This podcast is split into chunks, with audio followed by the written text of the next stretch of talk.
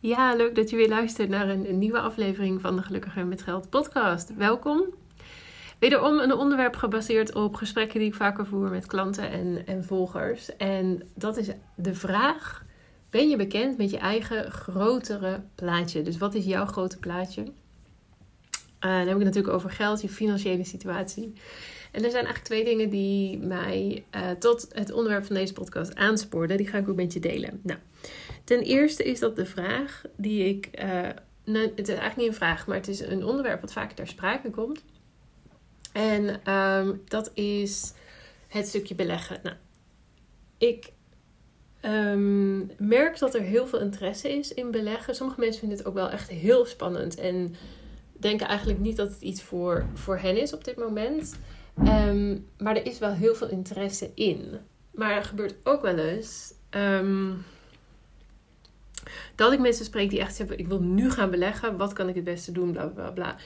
En als ik dan in gesprek ga, dan blijkt meer dan eens dat. Um, nou ja, sowieso het stukje beleggen. Waarom wil je dan beleggen? Vraag ik dan altijd. Want uh, afhankelijk daarvan heb je een aantal keuzes te maken. Um, en, en, en, en dat hebben ze niet altijd duidelijk. En dat is ook helemaal prima. Eigenlijk is dat, ik denk zeker in 95% van de gevallen is dat wel het geval. Dus dat, dat, dat is verder niet erg. Daar komen we dan wel. Um, maar eigenlijk een, een, een, een grotere, wil ik probleem zeggen, een grotere indicatie van dat het misschien nog wat werk vergt, is het feit dat um, ze wel heel graag willen beleggen, maar ondertussen is er eigenlijk geen buffer.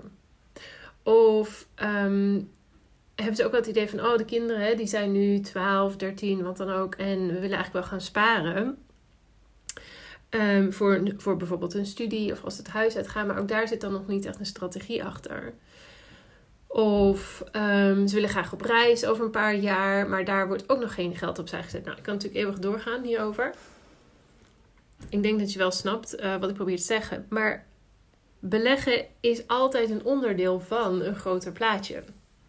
Je kunt, ja, het kan wel, maar ik, ik, ik vind over het algemeen niet de meest handige oplossing om te zeggen: Oh, we hebben wat geld over, laten we dit allemaal gaan beleggen.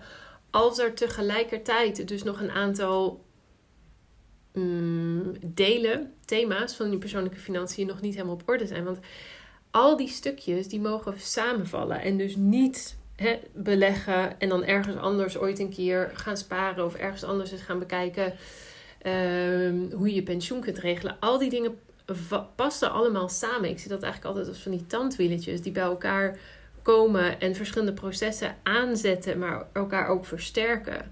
Dus als je puur en alleen op het stukje beleggen uh, gaat, dan kan het wel eens zo zijn. Sterker nog, ik denk dat de kans ontzettend groot is dat dit dan gebeurt. Dat er andere, um, dat er andere delen van, van die persoonlijke financiën te weinig aandacht krijgen. En daardoor op een later punt um, voor ja, problemen klinkt ook weer zo hard, maar eigenlijk wel, eigenlijk problemen kunnen zorgen. Ja? Dus, dus dat is zo één voorbeeld van het grotere plaatje. Um, waarom wil je beleggen of waarom wil je sparen? Dat is natuurlijk dezelfde vraag. Daar kom ik zo op, punt 2. Maar met name bij dat stukje beleggen. En nogmaals, als je mij volgt op Instagram bijvoorbeeld, dan weet je dat ik heel vaak dingen deel over beleggen. En ik denk dat het zeker voor, nou ja, de meeste, zo niet iedereen, wel een heel, heel, heel belangrijk punt is om mee te nemen.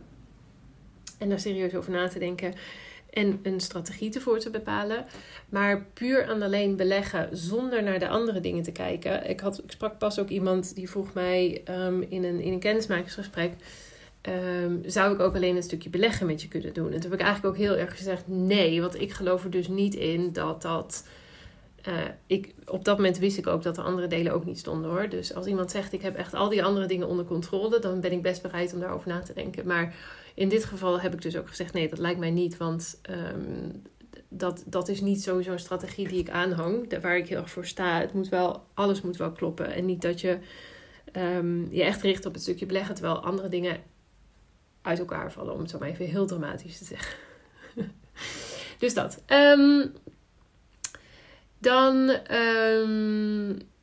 dus dat was punt 1. Dus dat stukje beleggen, daar merk ik het vaker. Er is nog een tweede. En ehm, dat is het grote plaatje, om nog maar een voorbeeld te noemen van bijvoorbeeld het stukje sparen. Um, wat is je. En deze heb ik eigenlijk omdat ik uh, eindelijk, eindelijk, eindelijk. heb ik mijn weggever klaar. Ik ben al heel lang mee bezig geweest, maar niet, niet mega actief hoor. Maar dat op mijn to-do-lijstje stond. Maar het is vaak niet van gekomen. Maar ik heb dus sinds kort uh, mijn eigen e-book online uh, beschikbaar. Gratis kun je downloaden. Ik vertel aan het eind van de aflevering even iets meer over. Dus even nog doorluisteren. Um, en daar ben ik een aantal e-mails voor aan het schrijven. En één daarvan is ook iets wat ik eerder ook al heb gezegd. En waar ik ook een podcastaflevering over heb gemaakt. Maar dat is um, over het stukje sparen. Uh, spaarstrategie. En ik noem dan altijd als voorbeeld sparen voor later. Hè? Dat, dat heb je misschien al vaker horen zeggen. Dat ik dat uh, geen handige strategie vind. Um, spaarstrategie. Spaar, we denken vaak... Um, als er één ding is eigenlijk, als er één ding is waarvan de meeste mensen wel zeggen, nou ja, dit, dit wil ik wel, of dit is wel een handige, dit is wel slim om met je, om, om met je geld te doen, of, of zo, dit zou ik wel weer willen gaan doen bijvoorbeeld, dan is het maandelijks geld opzij zetten op een spaarrekening. Toch? Ik denk dat de meeste van ons um, dat idee op zijn minst soort van van huis uit of op school of misschien van, van onze omgeving hebben meegekregen. Dat sparen voor later en dus maandelijks geld opzij zetten op je spaarrekening, dat dat wel um, nou, best wel slim is om dat te doen, laten we zo zeggen. Nou, um, ik vind dat niet. Uh, kijk even een aantal afleveringen terug van deze podcast als je daar meer over wil weten. Of schrijf je dus in voor mijn uh, gratis uh, weggever, want dan krijg je hier ook nog informatie over. Maar ik vind dat dus niet. En de reden daarvoor is dat we heel graag in ons hoofd willen denken: oh, als ik maar maandelijks geld opzij zet, dan ben ik slim bezig. Ondertussen weet ik dat sparen best wel heel erg veel ingewikkelder of, of um, meer lagen heeft, om het zo te zeggen, dan puur en alleen wat geld elke maand op een spaarrekening te zetten. Sparen is niet iets wat je doet door één simpele actie, namelijk hè, het bedrag wat je deze maand hebt bedacht of het bedrag wat je overhoudt of aan het begin van de maand bedenkt om een spaarrekening te zetten. Sparen heeft ook en dit is misschien niet zo leuk om te horen, maar sparen heeft ook een strategie nodig. En dat klinkt allemaal heel ingewikkeld, maar dat hoeft het echt helemaal niet zo te zijn. Maar op het moment dat je spaart, dan spaar je meestal voor meerdere dingen. Meestal spaar je voor een deel voor later. Je spaart misschien voor de studie van de kinderen. Nou, daar is vaak nog wel een aparte bankrekening voor. Maar je spaart misschien ook om straks met vakantie te kunnen. Of als de auto een grote opknapbeurt heeft of wat dan ook. Al die dingen, ook daar weer, zijn allemaal verschillende stukjes die bij elkaar ingepast mogen worden. Terwijl we het graag in ons hoofd zo simpel zien als: oh ja, ik zet geld opzij elke maand. Een spaarstrategie is niet alleen een kwestie van verschillende potjes, wat we dan ook nog wel eens ehm, willen denken. Want er zitten bijvoorbeeld ook verschillende uh, prioriteiten bij. Er zitten ook verschillende tijdslijnen bij. Hè. Sommige dingen zijn belangrijker dan andere. En sommige heb je over twee jaar al en andere pas over tien jaar bij wijze van spreken. Dus het vergt wat meer um, gepuzzel dan simpelweg zeggen: uh, ik zet zoveel geld op per maand opzij. Of ik ga straks zoveel geld opzij zetten als ik één keer deze omzet heb, bijvoorbeeld. Hoor ik ook vaak. Nou, wat wil ik hier maar mee zeggen? Dat ook bij het stukje sparen is het belangrijk om je dus bewust te zijn van het grotere geheel, van je grote plaatje. En enkel en alleen door naar het grote plaatje te kijken. En dus echt op, op, op, van een afstandje kunt bedenken: dit zijn de aantal dingen die ik wil bereiken. Als ik moest kiezen, dan deze sowieso. Deze heeft een iets minder hoge prioriteit. En dus baseer je daar dan je strategie op.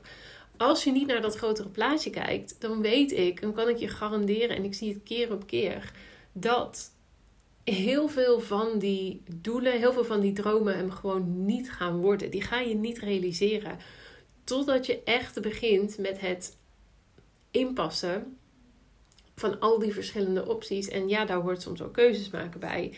Hoe het bij elkaar past, welke sowieso uh, prioriteit, krijgen. En hoe je ervoor kunt zorgen dat je die doelen ook werkelijk gaat halen. Nou, misschien is dit een beetje heel vaag, maar ik hoop dat je er uh, iets van herkent. Um, en, um, en dat het dus oké is om En dat het dus heel belangrijk is. En niet alleen oké, dat het dus echt heel belangrijk is om dingen niet apart te zien. En dat, dat, dat, dat zie ik nog vaak. Dat we hè, eh, zeggen, oh we gaan even een overzichtje maken en dan gaan we proberen wat meer te sparen. Ja, dat, zegt mij, dat betekent dus helemaal niks voor mij. In de zin van wat, wat ga je dan precies doen? Hoe ga je dat overzicht dan gebruiken? En waar ga je precies voor sparen?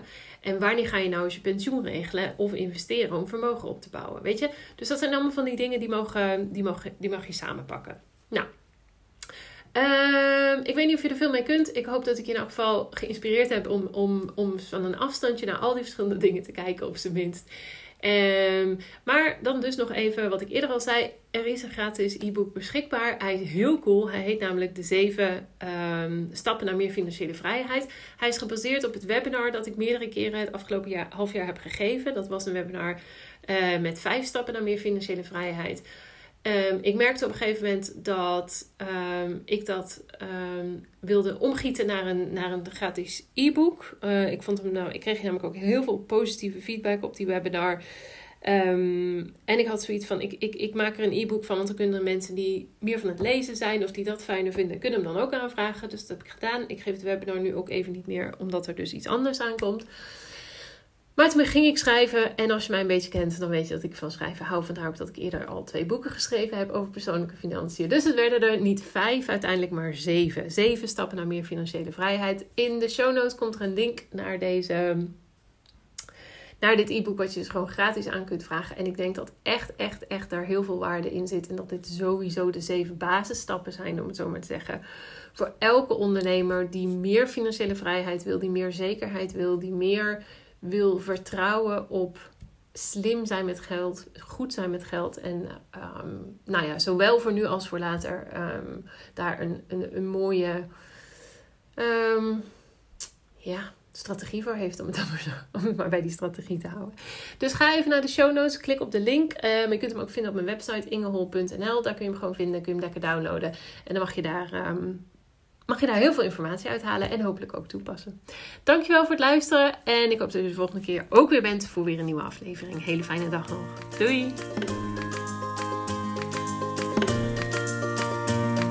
Dankjewel weer voor het luisteren naar deze aflevering van de Gelukkiger met Geld podcast.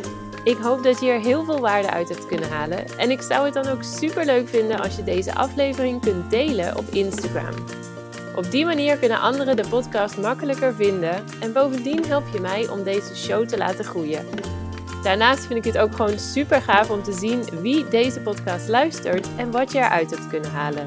Dus deel hem op Instagram en taak mij dan met gelukkiger.met.geld. En ik ben er volgende keer weer met een nieuwe aflevering. Ik hoop jij ook. Tot dan!